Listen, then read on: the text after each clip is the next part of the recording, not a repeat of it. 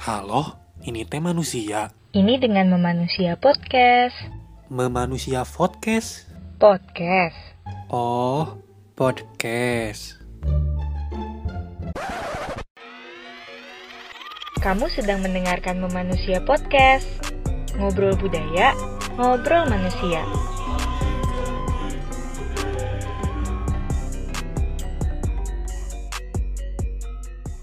Berita hari ini. Jumlah pekerja yang terkena PHK di Bandung mencapai lebih dari 3.000 orang. Angka kasus kekerasan pada anak meningkat selama PSBB. Pertanggal 2 April 2020, tercatat lebih dari 300 kasus kekerasan menimpa 400 orang anak.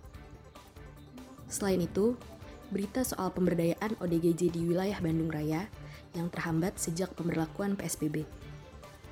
Kami juga akan melaporkan berita terkait konser virtual yang baru diselenggarakan oleh penyanyi perempuan Indonesia, Isyana Sarasvati.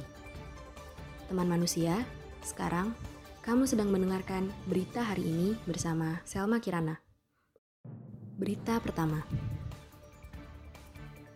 Per pertengahan bulan Mei tahun 2020, jumlah pekerja yang mengalami pemutusan hubungan kerja akibat pandemi COVID-19 di Jawa Barat terus bertambah.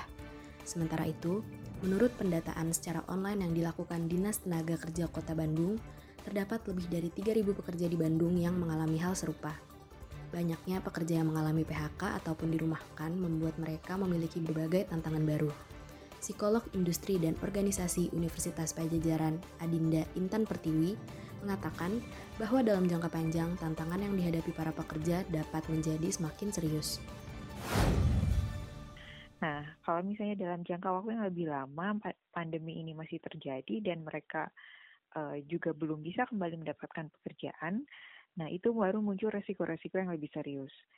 Nah, ini udah pasti uh, masalah yang lebih besar lagi dan akan ada banyak dampak-dampak di berbagai sektor gitu mulai dari finansial, kesehatan, kemudian uh, sosialnya.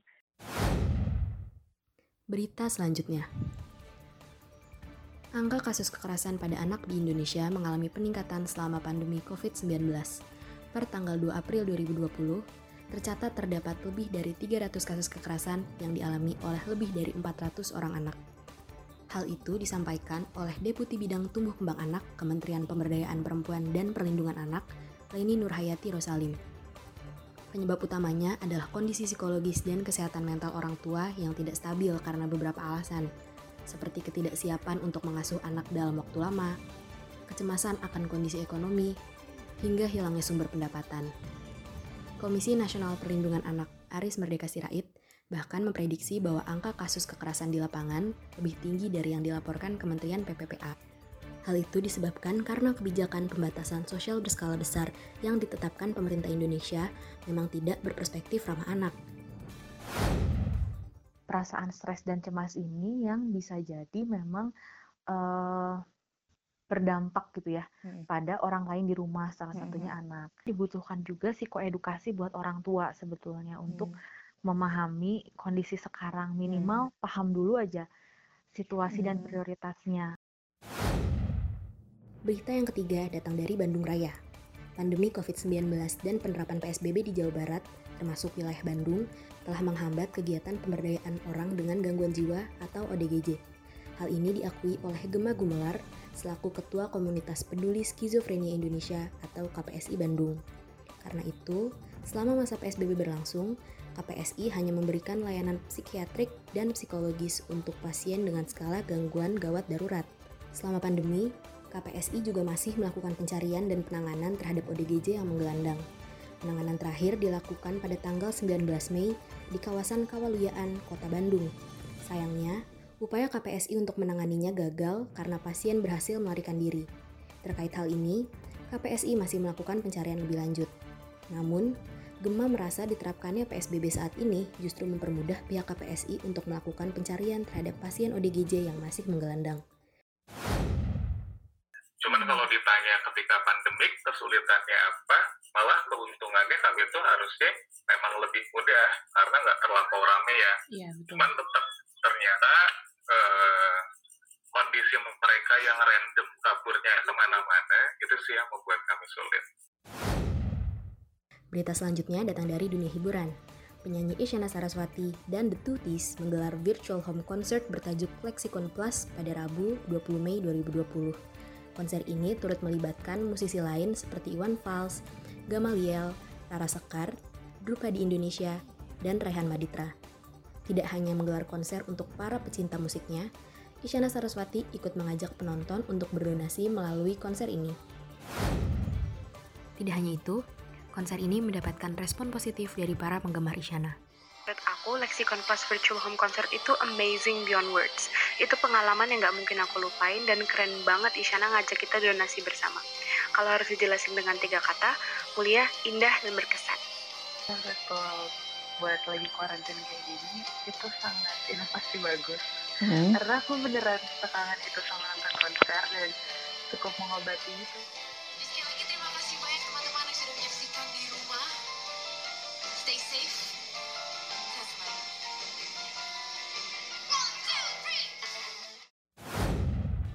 Teman manusia, itu tadi berita hari ini dari Memanusia Podcast. Tetap dengarkan Memanusia Podcast, karena setelah ini masih banyak sajian informasi menarik yang akan menemani hari-harimu. Kamu sedang mendengarkan Memanusia Podcast. Ngobrol budaya, ngobrol manusia.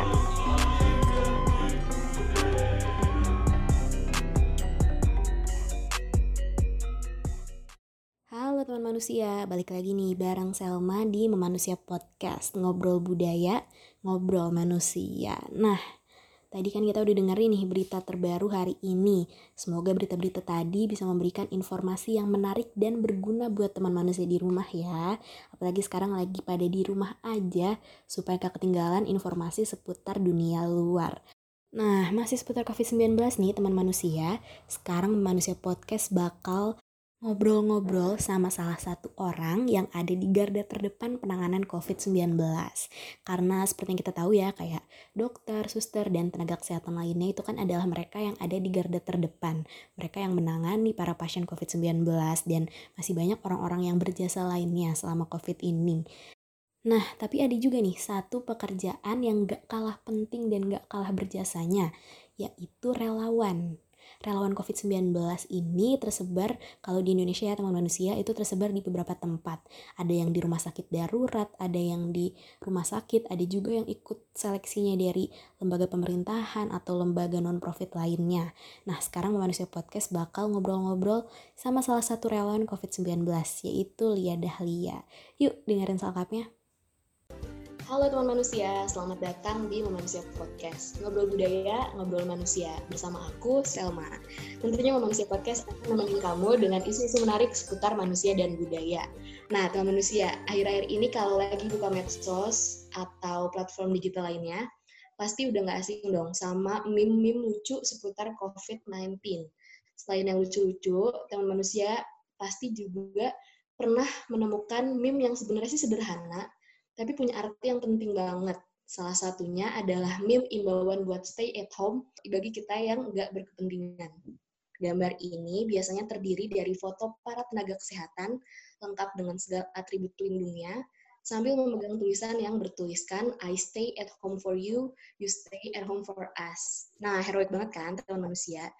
Tapi nih, teman manusia, ada juga loh mereka yang amat peduli dan kebetulan punya kesempatan buat ikut berkontribusi di lapangan di garda terdepan kasus COVID-19 ini. Salah satunya adalah mereka para relawan. Sejak gugus tugas percepatan penanganan COVID-19 membuka pendaftaran relawan dua bulan yang lalu, terdapat ratusan anak muda yang rela mengambil resiko jauh dari keluarga dan terpapar demi kemanusiaan. Nah, teman manusia, sekarang Selma bakal ngobrol-ngobrol nih sama dia yang terjun dan terlibat langsung dalam menangani para pasien COVID-19. Dia adalah Lia Dahlia, relawan untuk COVID-19 yang bertugas di Rumah Sakit Darurat Wisma Atlet Kemayoran, Jakarta. Halo Teh Lia, apa kabar? Halo Selma, halo selamat malam semuanya. Uh, masih bertugas nggak Teh di Wisma Atletnya?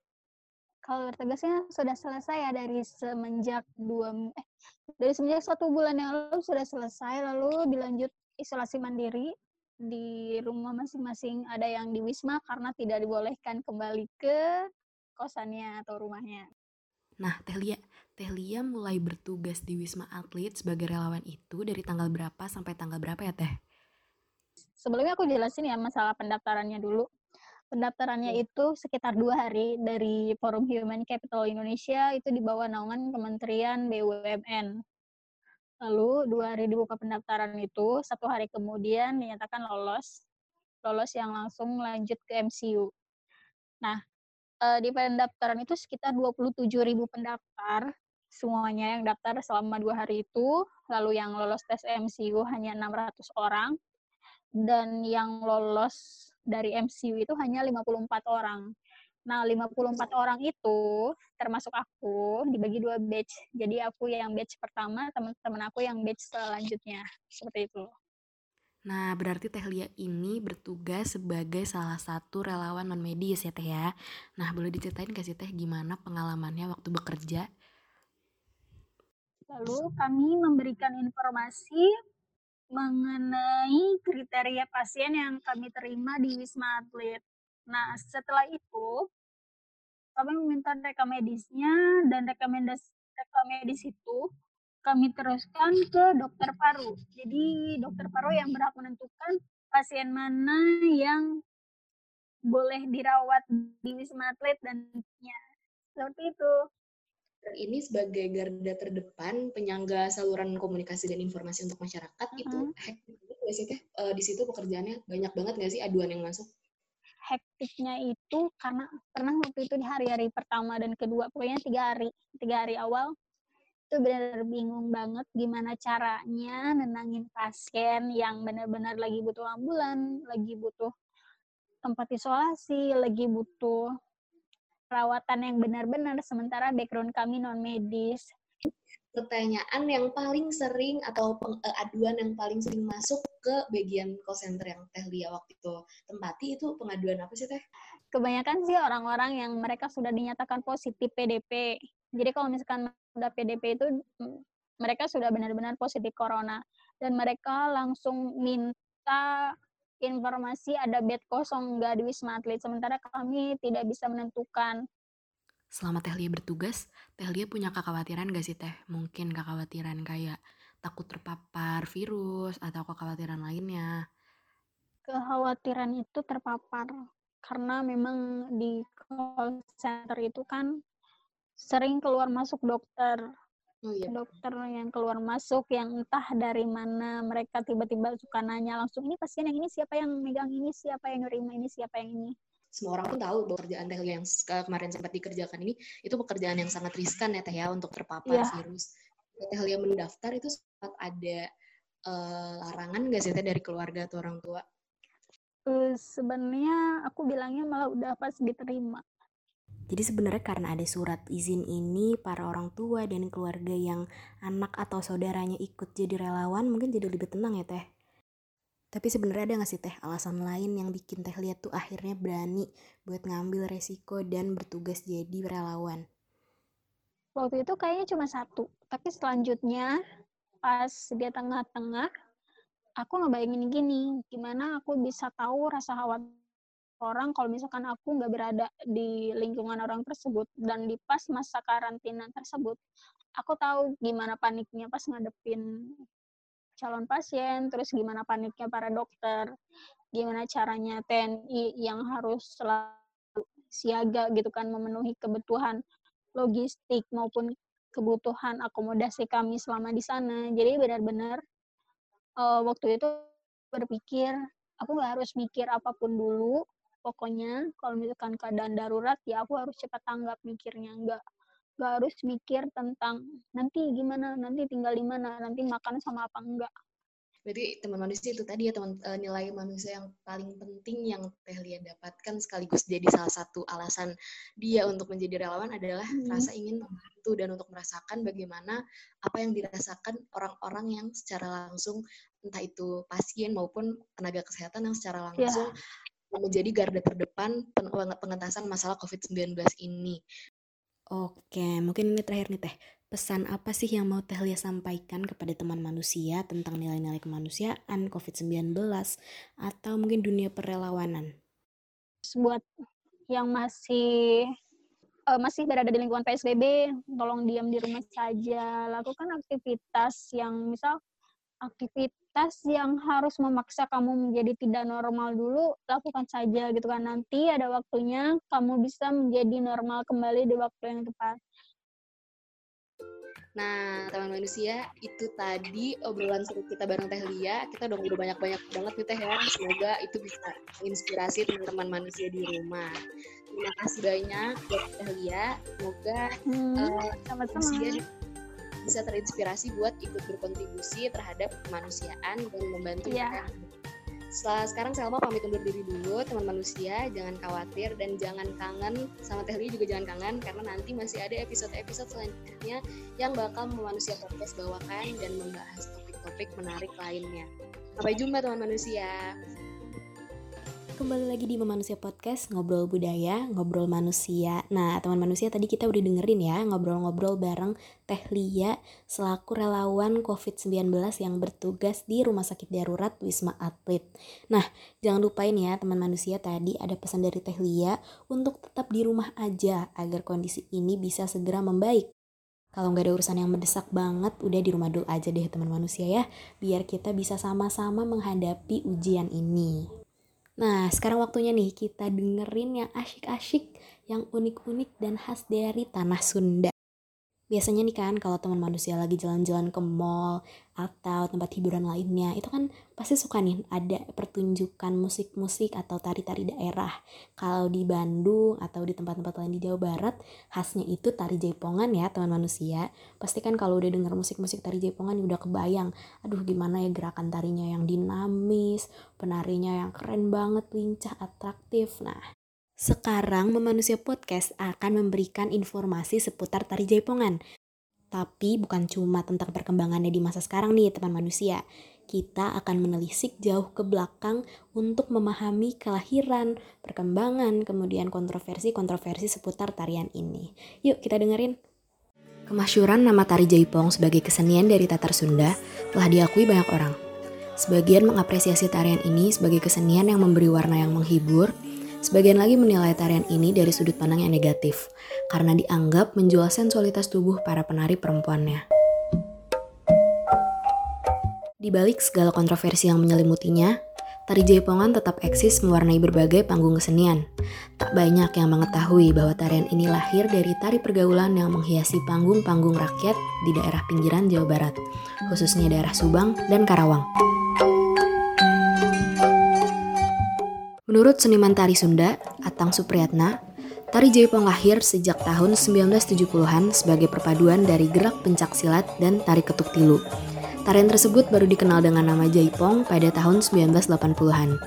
Seiring dengan perkembangannya, Jaipongan juga mendapat pengaruh dari seni bajidoran dan topeng banjet. Rakyat itu kesenian yang lahir dari aturan. Tanpa aturan yang ketat, dia hadir sebagai ekspresi kegembiraan sebagai ekspresi kesenangan, ekspresi bahkan ekspresi pernyataan diri begitu, kan dari ekspresi yang bersifat estetika tinggi.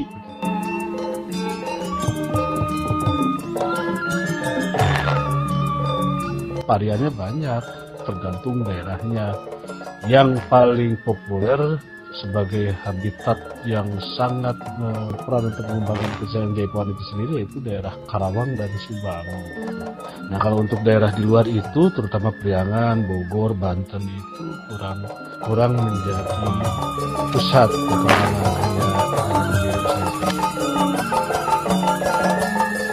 Namun, sifat dinamis bukan hanya erat dengan gerakan tarinya. Seiring perkembangan, semangat tari Jaipongan juga turut mengalami perubahan.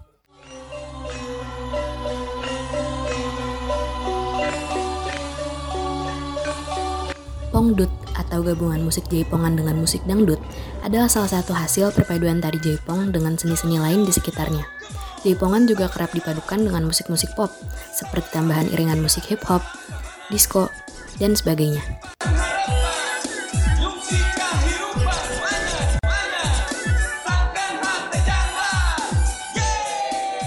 Jepongan gue gak, ada aturan yang ketat. Bisa masuk tari balet, bisa masuk tari caca, tari gerak apa aja.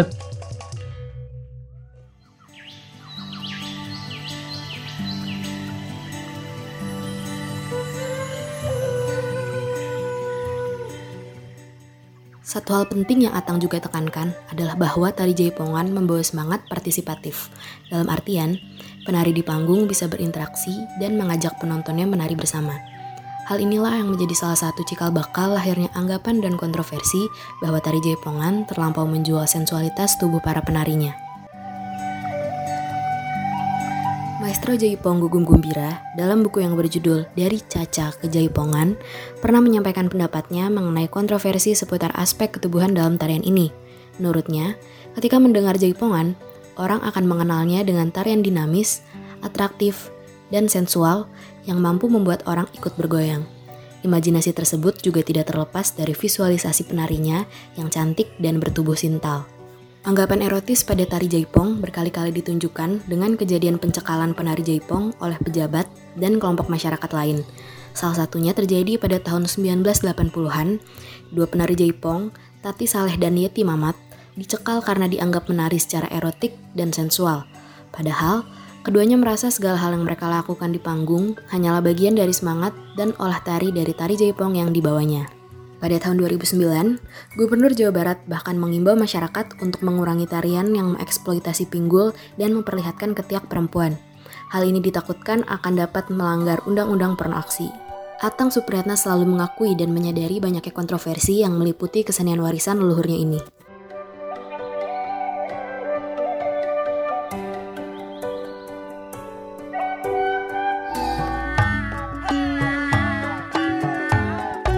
Jaipongan itu kan karena lahir dari 3G. Geol, Gitek, G-boy. Dari dari 3G itu oleh koreografer uh, Sunda lahir tari Jaipongan. Betul, Geol, Gitek, G-boy memang uh, riskan di sana karena pernah dia dosanya tari Jaipongan kan itu. Hmm. Nah, tetapi ketika ketika sudah masuk uh, citra estetik, sudah masuk kemasan, sudah masuk uh, pemikiran para koreografer kita itu dikemas sedemikian rupa sehingga jaipongan menjadi kesenian yang bermartabat. Hmm. Tapi lahirnya semangatnya dari situ. Jadi apa namanya apa apa uh, apa namanya dari uh, kebudayaan rakyat seperti itu. Tapi tidak ada tidak ada apa namanya tidak ada kaitannya dengan pornografi gitu, tidak ada kaitannya dengan foto aksi. Kalaupun ada itu saja. Gerakan dalam tari jaipong menggambarkan karakteristik perempuan Sunda, seperti gerakan cingas yang menggambarkan sosok perempuan yang gesit dan antusias. Gerakan dan posisi kaki dalam tari jaipongan juga umumnya diatur dengan jarak yang cukup jauh antara satu kaki dengan kaki lainnya.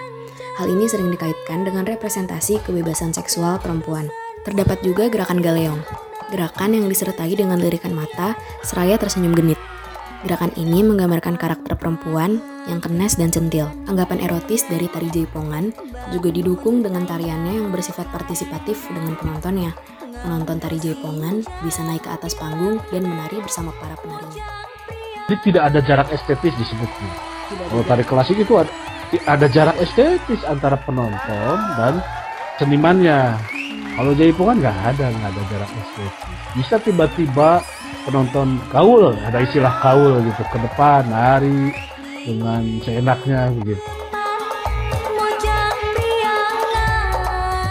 Keterlibatan uang saweran sebagai alat tukar yang diberikan penonton kepada penari jaipongan memperkuat anggapan miring mengenai tarian ini.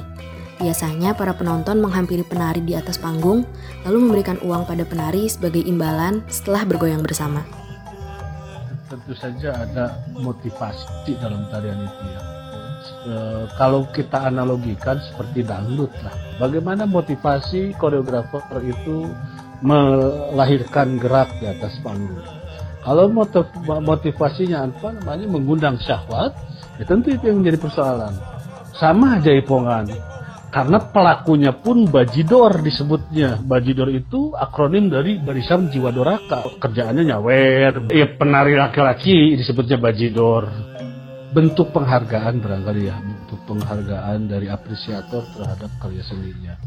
Jadi eh, tidak ada aturan yang mengharuskan disawar tetapi apa karyaan itu lahir ketika di Karawang itu ketika panen padi begitu. Banyak uang para petani banyak uang. Nah kemudian ya itu untuk mengungkapkan rasa kegembiraannya dia biasanya buang uang di situ panggil kesenian. Bukan saja jaipongan wayang golek juga sama pencaksilat sama. Ada di sawer karena karena awalnya begitu ya akhirnya diikuti itu menjadi uh, tradisi kalau jaipongan itu selalu ada apa namanya ada sawer Sistem sawer dalam tari jaipongan masih diterapkan hingga saat ini. Bias ekonomi, terlebih kemiskinan, ternyata erat dengan kesenian ini. Menurut Atang, bagi para penari jaipongan asli atau umumnya mereka yang tampil di wilayah pinggiran Jawa Barat, uang hasil saweran merupakan sumber penghasilan utama mereka yang umumnya tidak dibayar untuk menari di berbagai pertunjukan.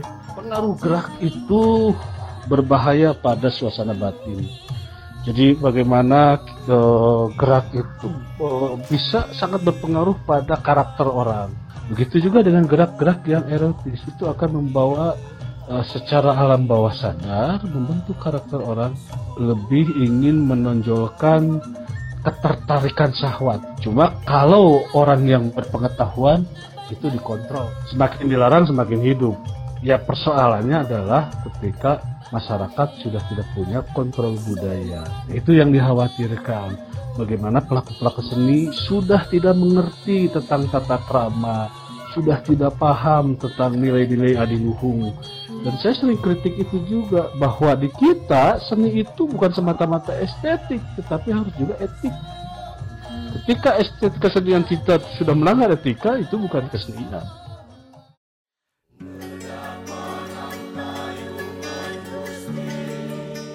Tak sedikit koreografer jaipongan yang berlomba-lomba membuat gerakan yang disengaja seerotis mungkin.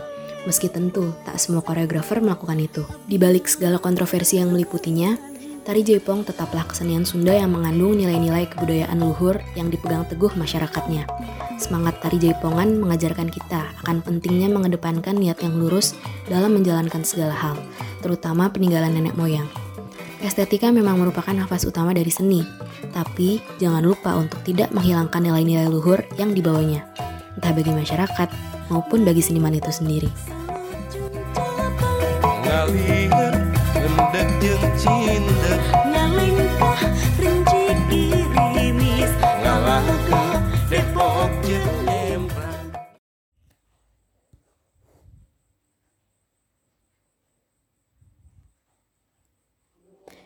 Kembali lagi di Manusia Podcast, ngobrol budaya, ngobrol manusia. Masih sama Selma nih, teman manusia.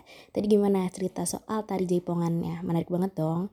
Tapi yang pasti dari cerita tentang tari jaipongan tadi, hal terpenting yang bisa kita ambil itu adalah tentang esensi pentingnya mempunyai niat yang lurus ketika melakukan segala sesuatu. Terlebih lagi ketika kita sedang melakukan atau meneruskan tradisi-tradisi dari nenek moyang kita ya, teman manusia.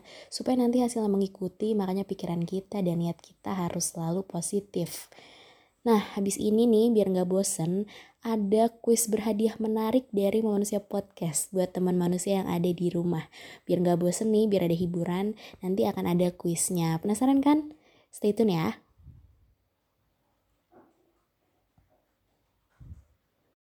Kembali lagi di Manusia Podcast, ngobrol budaya, ngobrol manusia. Masih sama-sama nih teman manusia.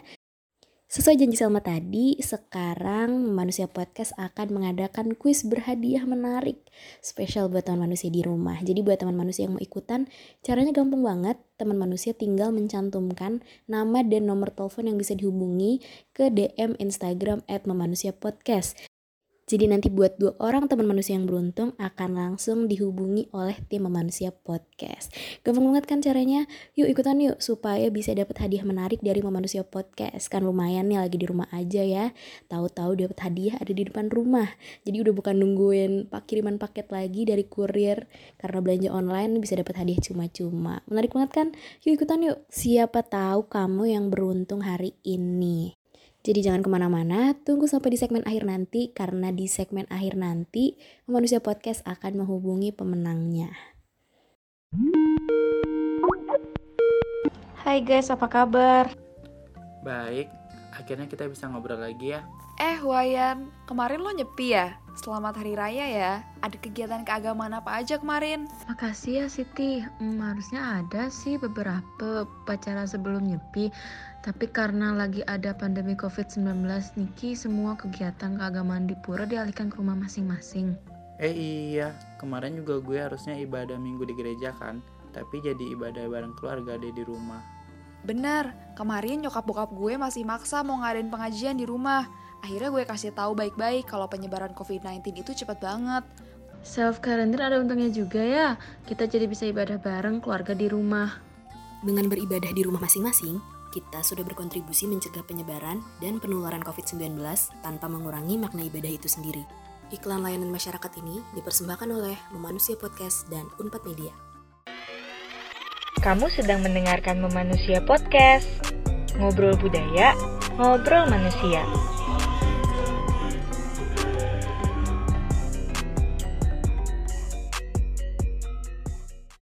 Kembali lagi di Memanusia Podcast, ngobrol budaya, ngobrol manusia. Tadi kan kita udah denger nih teman manusia, informasi seni dan budayanya itu tentang tari jaipongan dari Jawa Barat.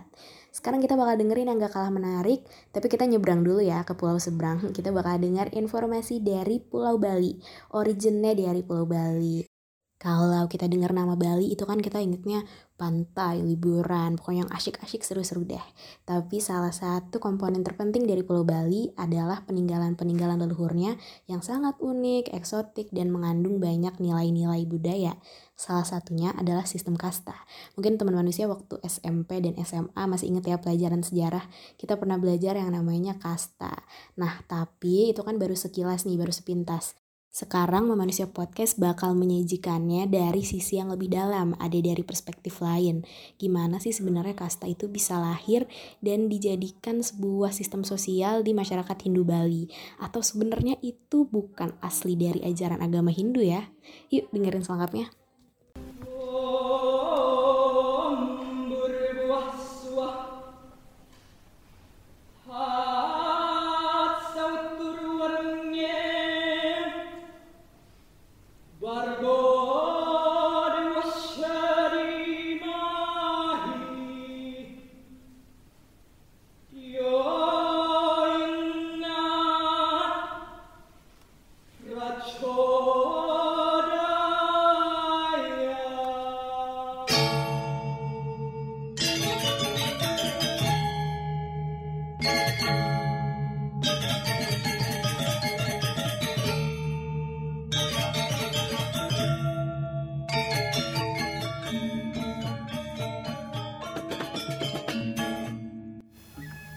Eksotisme Bali sebagai pulau yang memiliki keragaman seni dan peninggalan leluhur telah akrab di telinga masyarakat di seluruh dunia.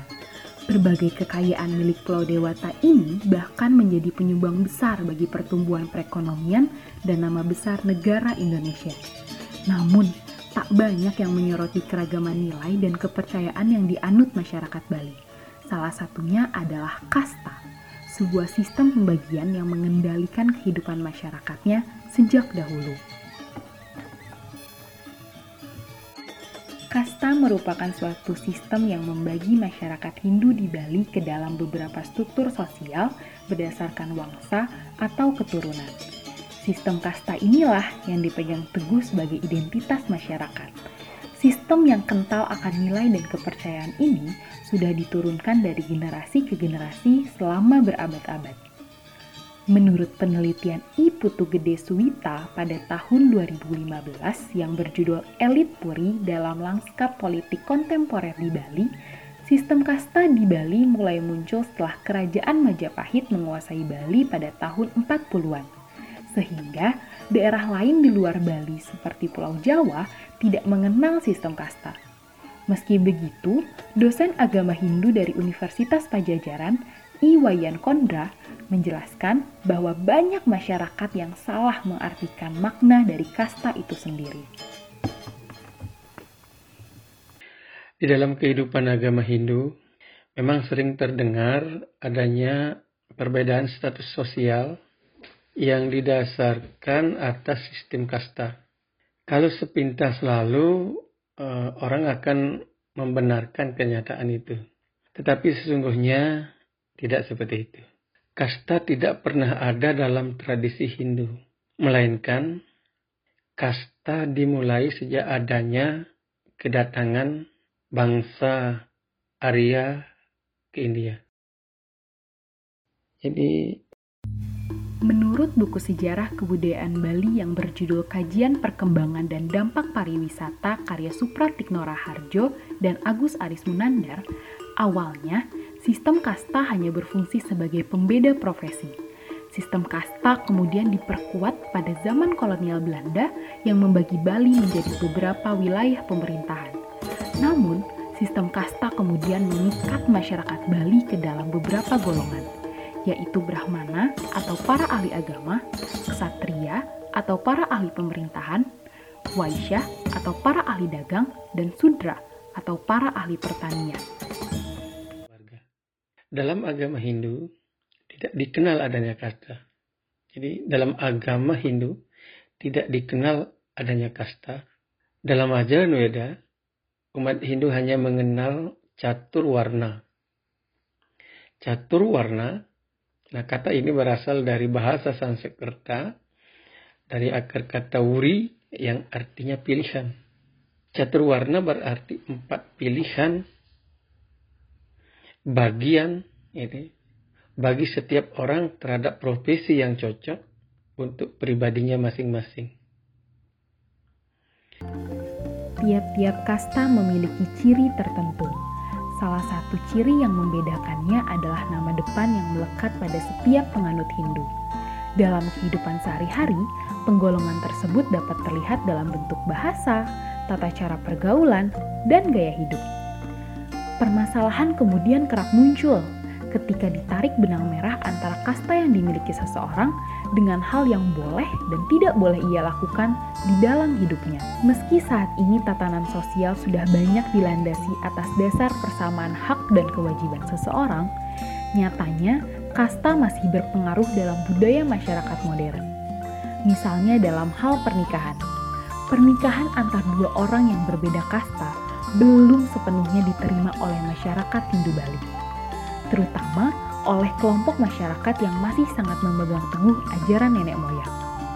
Menurut Kondra, sistem kasta sesungguhnya hanya memperbolehkan laki-laki dan perempuan untuk menikah bila keduanya berasal dari kasta yang sama. Sama seperti pernikahan beda agama, pernikahan beda kasta juga merupakan hal yang sangat dihindari oleh masyarakat Hindu Bali. Jika seorang wanita ber kasta tinggi menikah dengan seorang pria berkasta rendah, ini istilahnya nyerot. Nyerot, nyerot itu atau artinya turun ke bawah. Atau turun kasta. Nah pernikahan seperti ini sangat dihindari juga. Dan kalaupun terjadi, biasanya dengan sistem ngemaling atau mencuri-curi atau menikah dengan sembunyi-sembunyi. Karena pernikahan nyerot seperti ini biasanya tidak akan diizinkan oleh keluarga besar dari perempuan. Kondra menambahkan, tidak ada sanksi khusus bagi pasangan yang melanggar aturan sistem kasta. Tetapi, pasangan itu beresiko kehilangan akses sembahyang di pura keluarganya. Sanksi sosial lain yang juga bisa didapatkan ialah seperti pengucilan dari keluarga dan masyarakat sekitar. Agung Ayu Tribuana Tunggadewi, seorang perempuan Hindu asal Bali. Ia membagikan pengalaman tidak mengenakan yang didapatkannya karena menikah dengan lelaki yang berbeda kasta kepada Vice Indonesia. Saat mengatakan pada keluarganya bahwa ia hendak menikahi lelaki yang memiliki kasta berbeda dengannya, Ayu langsung mendapat larangan keras. Alhasil, Ayu juga mendapat larangan pulang kembali ke keluarga besarnya jika terjadi sesuatu dengan pernikahannya. Selain Ayu, tak sedikit penganut agama Hindu Bali yang tidak setuju akan beberapa aturan serupa. I Nyoman Raditya Dwija Putra adalah salah satunya. Mahasiswa UNPAD asal Bali yang akrab di sapa Radit ini mengaku beberapa aturan dalam sistem kasta tidak sejalan dengan hak asasinya sebagai manusia. Kalau menurut saya sih udah nggak relevan ya, soalnya kan uh, buat nikah apalagi buat nikah ya itu uh, udah menyangkut hak asasi sih soalnya jadi setiap orang bebas milih dia mau menikah dengan siapa aja gitu. Perkembangan zaman berjalan beriringan dengan perkembangan peradaban dan pemikiran manusia. Hal itu membuat pengaruh sistem kasta perlahan berkurang. Masyarakat mulai menyadari pentingnya nilai persatuan di tengah perbedaan apa pun dalam hubungan antar manusia, terutama bagi umat Hindu yang tinggal di luar Bali. Karena menurut Kondra, implementasi sistem kasta hanya berlaku bila umat Hindu tinggal di Bali. Misalnya di berbagai daerah di Jawa Barat, kasta tidak menjadi pengatur kehidupan masyarakat. Tetapi, bila umat Hindu itu kembali ke Bali, ia harus mengikuti aturan adat yang berlaku. Radit, sebagai umat Hindu yang tinggal di luar Bali, merasakan perbedaan itu. Ada sih perbedaannya ya kan. Dulu tuh e, kasta, karena kasta kita nggak boleh berhubungan sama yang berbeda kasta. Kalau sekarang karena kasta udah nggak ada, jadi kita lebih fleksibel buat berhubungan sama siapa pun. Cairnya implementasi sistem kasta saat ini tentu tidak terlepas dari pengaruh kesadaran masyarakat akan ajaran-ajaran kebaikan dan keadilan itu sendiri. Kondra menambahkan bahwa kasta bukanlah satu-satunya penentu kualitas diri seseorang. Situasi yang tajam seperti ini terjadi di sekitar tahun masih terjadi kira-kira di uh, tahun uh, 80-an. Tapi di era-era berikutnya sudah berangsur-angsur uh, mencair, saling menerima, saling menghormati, saling menghargai sesuai dengan ajaran Hindu yaitu Tattva Asi yang mengakui keberadaan manusia itu adalah sama Tatuam Asi itu artinya kau adalah aku dan aku adalah kamu kamu adalah itu itu adalah adalah kamu dan aku adalah aku berarti mengakui bahwa uh, manusia sesungguhnya adalah sama yang membedakan manusia baik atau buruk itu adalah sifatnya bukan keturunannya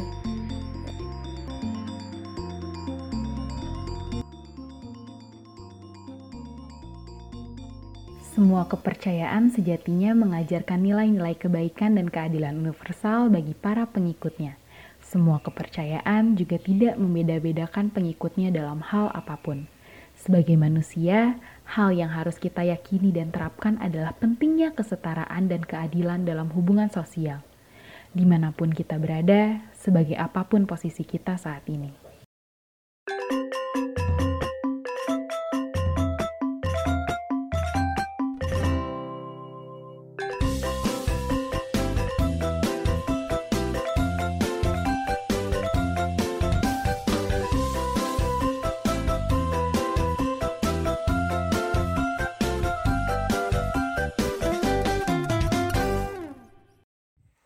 Itu tadi teman manusia informasi seputar kasta dari Pulau Bali. Jadi sistem kasta itu tadi ternyata mempunyai pengaruh besar di dalam sistem sosial dan kehidupan masyarakat Hindu Bali ya. Nanti kita bakal ngobrol-ngobrol lagi tentang kasta. Tapi sebelumnya Selma mau nempatin janji dulu nih. Tadi soal kuis berhadiah menarik. Jadi sekarang Selma bakal langsung menghubungi dua orang beruntung yang berkesempatan buat ikutan kuis dari Manusia Podcast. Jadi teman manusia ayo HP-nya dipegang ya, dicek terus ya. Siapa tahu nanti kamu yang beruntung dan nanti teleponnya bakal masuk ke handphone kamu. Langsung aja sama hubungi teman manusia yang pertama. Halo. Halo, dengan siapa di mana? Uh, aku Devi dari Bali. Devi di Bali, jauh banget nih Devi. Selamat ya Devi, karena Devi terpilih jadi salah satu teman manusia yang bisa ikutan kuis dari Manusia Podcast. Yeay! Wah, makasih. Iya, langsung ke pertanyaan aja ya Dev ya. Oke, okay, oke. Okay. Pertanyaannya adalah, saya udah inget-inget nih jawabannya. Sebutkan hmm. tiga kesenian Sunda yang jadi pengaruh besar dalam tari jaipongan. Ayo, masih inget nggak? Um, Mudah-mudahan inget sih. Uh, kayaknya yang pertama uh, topeng bajet. Uh-uh. Uh, terus yang kedua uh, pencak silat. Uh-uh. Um, terus yang ketiga ketuk tilu. Yakin itu jawabannya? Uh, mudah-mudahan sih yakin.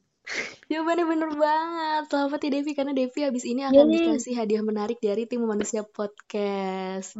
Yeay. Makasih ya Manusia Podcast. Iya, nanti habis ini tim Manusia Podcast ada yang hubungi Devi ya buat informasi pengiriman barangnya. Oke, makasih udah lagi dengerin ya. episode terbarunya Manusia Podcast belum? Oh, udah udah yang kemarin tentang film-film itu ya?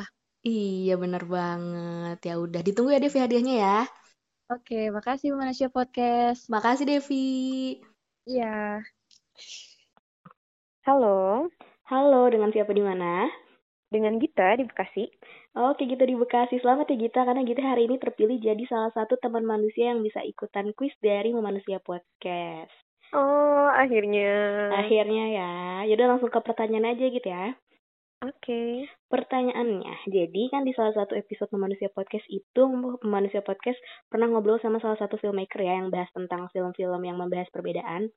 Oh iya, oh, yang sama Kak Rere itu ya? Iya betul yang sama Rere. Nah di salah satu film yang dibahas di episode itu adalah uh, film Cinta judulnya. Itu yang membahas tentang dua orang yang memiliki hubungan tapi memiliki latar belakang agama yang berbeda. Masih ingat gak gitu? Ah iya, gue suka banget itu sih filmnya. Nah pertanyaannya adalah, diinget-inget nih. Hmm. Siapa nama tokoh utama laki-laki dan perempuan di dalam film Cinta? Ayo. Ah gila gampang banget itu sih. Oh, Pasti benar. Tuh? Anissa sama Cina. Ya enggak? Iya bener banget jawabannya oh, bener Git. Selamat ya. Nanti kita bakal dapat hadiah menarik dari Manusia Podcast. Jadi abis ini nanti tim Manusia oh. Podcast bakal hubungi kita lebih lanjut untuk informasi pengiriman hadiahnya. Oke, okay. oh thank you banget Manusia Podcast. Iya, thank you juga Gita. Ditunggu ya hadiahnya hmm. ya. Dan jangan lupa dengerin Manusia Podcast terus loh. Pastinya selalu. Thank you Manusia Oke, Podcast. makasih kita. Dadah. Dah. Kamu sedang mendengarkan Memanusia Podcast. Ngobrol budaya, ngobrol manusia.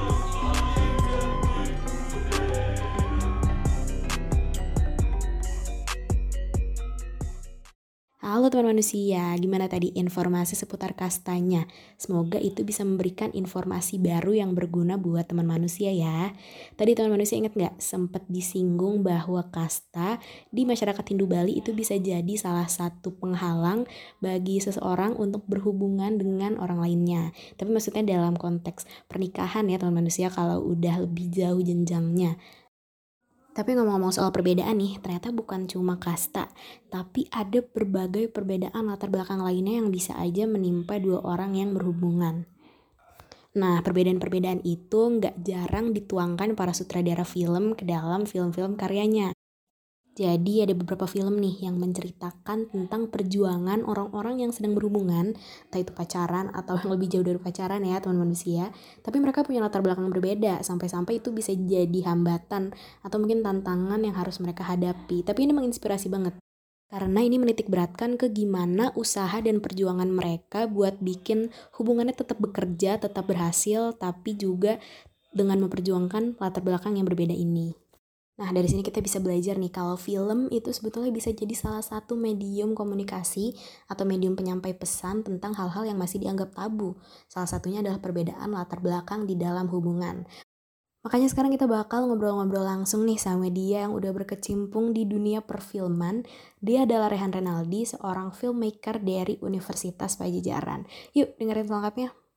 Halo teman manusia, kembali lagi di Memanusia Podcast. Ngobrol budaya dan ngobrol manusia bersama dengan Andita. Gimana nih kabarnya teman manusia? Masih semangat kan berjuang melawan wabah dengan di rumah aja? Harus semangat dong tentunya.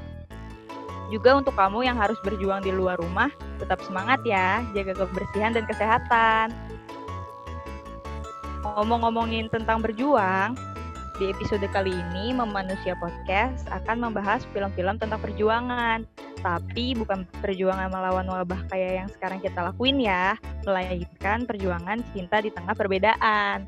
Untuk ngebahas film-film ini, gue gak sendiri. Gue bakal ditemenin langsung sama filmmaker indie dan ketua komunitas sinematografi club, Karehan Renaldi. Halo Andita dan teman manusia yang lagi di rumah gak hanya terjadi di kehidupan sehari-hari, ternyata lumayan banyak juga film yang mengangkat tentang isu perbedaan ini, Re. Di antaranya nih, mm-hmm. film perbedaan versi gue. Yang pertama, Where Hand Touch, film yang menceritakan tentang, tentang perjuangan cinta di tengah perbedaan ras atau warna kulit. Film kedua nih, ada The Big Sick, teman manusia pada tahu nih, Crazy Rich Asian. Itu film perbedaan versi gue, Re. Kalau film perbedaan versi lo apa nih, Re? Kalau dari versi gue sih yang di Indonesia tuh ada filmnya judulnya Cinta. Nah, di huruf T-nya tuh ada dalam ada ada tanda dalam kurung. Nah, berarti jadinya Cina kan. Nah, karena emang si karakter utama itu namanya Cina. Terus si uh, pendampingnya itu ada Anissa. Mereka ini uh, saling jatuh cinta, tapi mereka uh, mengalami kesulitan karena mereka beda agama dan juga beda ras. Yang satu keturunan Tionghoa, yang satu uh, keturunan Jawa. Dan di film ini menurut gue cukup apa ya, cukup keren lah si Samaria Simanjuntak dalam menyampaikan si argumennya. Karena ini merupakan suatu apa ya hal yang cukup tabu juga gitu kan di Indonesia mengenai perbedaan agama. Karena si dialog-dialognya juga cukup frontal membicarakan tentang Tuhan, membicarakan tentang Tuhan itu sebagai arsitek lah atau juga Tuhan sebagai saudara yang bisa mengatur kehidupan manusia. Isu perbedaan itu kan sensitif ya uh, untuk dibahas nih. Mm -hmm. Terus apa sih pandangan lo tentang film yang ngebahas isu-isu sensitif tapi tuh sebenarnya humanis nih kayak gini? Menurut gue malah bagus sih. Maksudnya ketika lo bisa nyampein argumen yang jujur, apa yang mau lo sampaikan, menurut gue itu malah bagus banget. Walaupun itu hal yang tabu karena menurut gue uh, ini udah jadi apa ya mungkin pengalaman bagi berbagai masyarakat Indonesia yang berbeda agama mungkin tapi tetap menjalankan sebuah pernikahan gitu. Nah tapi eh, nggak uh, pernah dibicarain karena ini hal yang tabu. Nah makanya uh, gue cukup salut sama si Samaria Simanjuntak saudaranya yang yang angkat si isu ini gitu. Karena emang apa ya ya cinta tuh universal sebenarnya nggak bisa dipatokin sama sebuah agama juga gitu. Banyak juga nih film hasil kreativitas mahasiswa kayak kita yang memberikan pesan-pesan positif dari isu dari isu-isu sensitif. Film udah jadi sarana menyuarakan pesan. Kalau buat lo nih mahasiswa yang suka buat film, apakah saat lo buat film, film jadi medium lo menyampaikan pesan? Kalau dari gue pribadi sih, film jadi tempat curhat gue sih sebenarnya. Jadi kayak apa kegelisahan gue yang gue rasain gitu gue coba tuangin di dalam film yang gue buat karena menurut gue film tuh apa ya bisa menyampaikan satu pesan secara universal gitu ya bahkan pesan yang nggak bisa gue ucapin secara verbal tuh menurut gue di film bisa bisa diutarakan. Berarti dalam membuat film, lo biasanya berangkat dari realitas sosial kehidupan sekitar lo dong? Iya, bener banget tuh kayak film gue yang judulnya Siti Manusia Gusti itu berangkat dari keresahan gue ke orang sekeliling gue yang mungkin bisa dibilang kurang diajar diajarin agama sama orang tuanya. Akhirnya gue coba tuangin ide itu dalam film ini gitu. Karena di film ini nyeritain Siti yang kurang diajarin uh, agama orang tuanya. Akhirnya di, dia coba cari sendiri nih konsep Tuhan yang dia mau itu seperti apa. Akhirnya dia coba pergi ke gereja dia coba pergi ke pura, dia coba pergi ke masjid, dan akhirnya ya dia mencoba merefleksikan sebenarnya Tuhan tuh seperti apa sih kayak gitu. Uh, kan film juga mempunyai fungsi persuasif kan? Efektif juga gak sih film menjadi medium persuasif buat para penontonnya? Kayak contohnya film perbedaan tadi nih, persuasif untuk uh, buat kita saling toleransi dan berpikir lebih terbuka ke arah yang positif gitu misalnya. Bisa banget dong, Dit bahkan menurut gue film-film tadi yang udah kita sebutin juga kayak tadi film cinta, film uh, mungkin tanda tanya juga gitu yang nunjukin toleransi dalam perbedaan beragama gitu kan. Itu bahkan bisa apa yang munculin perspektif baru bagi penontonnya gitu. Bahwa oh sebenarnya ya kita emang berbeda ya tapi ketika berbeda itu ya kita harusnya saling mengisi satu sama lain bukan malah berbeda itu jadi saling menjatuhkan gitu kan Nah, terakhir nih, Re, ada pesan yang mau disampaikan nggak buat teman manusia mengenai perbedaan atau tentang perfilman? Paling dari gue sih uh, tetap jaga toleransi aja antar umat beragama gitu karena kita ada di Indonesia yang banyak sekali agamanya dan bukan hanya agama tentunya uh, suku, ras dan yang lain juga sangat beragam di Indonesia. Jadi menurut gue toleransi perlu dan penting banget untuk ditingkatin Terus juga untuk uh, filmnya paling yang uh, untuk filmmaker ataupun yang membuat film juga nanti yang terpenting adalah kalian harus jujur ketika buat film kayak uh, apa yang mau kalian sampaikan itu kalian harus utarakan sejujur-sejujurnya karena ketika argumen atau pesan yang pengen disampaikan secara jujur pasti penonton juga akan nangkapnya secara clear dan uh, lebih kena lah ke penontonnya. Nah, teman manusia, itu tadi obrolan film bareng Karehan Renaldi. Terima kasih ya Karehan sudah mau berbagi di Memanusia Podcast. Iya, sama-sama. Tinggi juga Anita dan tinggi juga buat teman-teman manusia.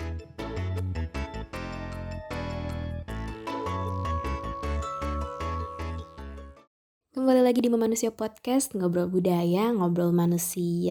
Gimana nih tadi habis ngobrol-ngobrol sama Rere? Jadi terinspirasi buat nonton film atau bahkan mungkin bikin film nih teman manusia yang mana? Tapi yang pasti semoga film-film itu kalau nanti teman manusia udah tonton ya mungkin itu bisa memberikan inspirasi kita buat selalu jadi manusia yang memegang teguh nilai-nilai kemanusiaan tanpa memandang latar belakang yang menjadikan kita uh, bisa bersikap diskriminatif atau membeda-bedakan manusia dalam berhubungan film-film tadi juga mungkin bisa jadi rekomendasi teman-teman manusia di rumah ya buat ditonton selama self quarantine ini. Atau buat yang lagi mengalami hal serupa mungkin ada perbedaan yang harus dihadapi dalam hubungannya. Pokoknya jangan menyerah, pasti nanti ada jalannya. Yakin aja dulu. Kalau niatnya baik, mudah-mudahan ada jalannya. Nah, nggak kerasa nih udah hampir satu jam selama nemenin teman manusia di rumah dengan obrolan-obrolan seputar kemanusiaan dan kebudayaan. Sebelum Salma menutup perjumpaan kita hari ini, Salma dan tim Manusia Podcast ingin mengingatkan teman manusia untuk selalu bersosialisasi walaupun di rumah aja. Karena kan sekarang zaman udah canggih nih, kita bisa tetap bertemu walau tak bersentuhan. Masih bisa tetap ngobrol walaupun lagi jauhan. Kita harus memanfaatkan segala medium yang ada supaya kita tetap bisa berinteraksi dan menjaga kesehatan mental kita. Karena kan kita punya kebutuhan untuk tetap berinteraksi sosial ya teman manusia.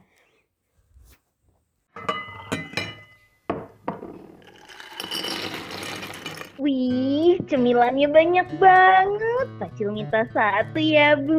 Eh, jangan diambil. Ini cemilan buat arisan besok sore sama ibu-ibu RW.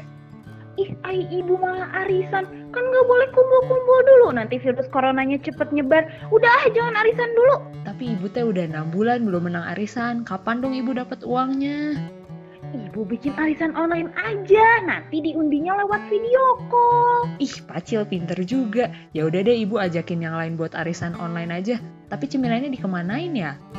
Tenang, cemilannya buat Pacil seorang. Ye, dasar gembul. Meski harus melakukan social distancing, kita bisa tetap berhubungan dengan orang lain kok. Jadi, jangan ragu untuk tetap diam di rumah aja ya. Iklan layanan masyarakat ini dipersembahkan oleh Manusia Podcast dan Unpad Media. Teman manusia, gimana nih? Gak kerasa ya udah satu jam ternyata Selma nemenin teman manusia di rumah. Semoga informasi-informasi yang hari ini kita dengarkan itu bisa memberikan banyak dampak positif, bisa menginspirasi teman manusia untuk selalu melakukan kebaikan. Jangan lupa buat selalu mendengarkan Manusia Podcast karena Manusia Podcast akan selalu memberikan informasi-informasi menarik yang juga unik seputar manusia dan kebudayaannya. Sampai jumpa di Manusia Podcast episode selanjutnya. Dadah.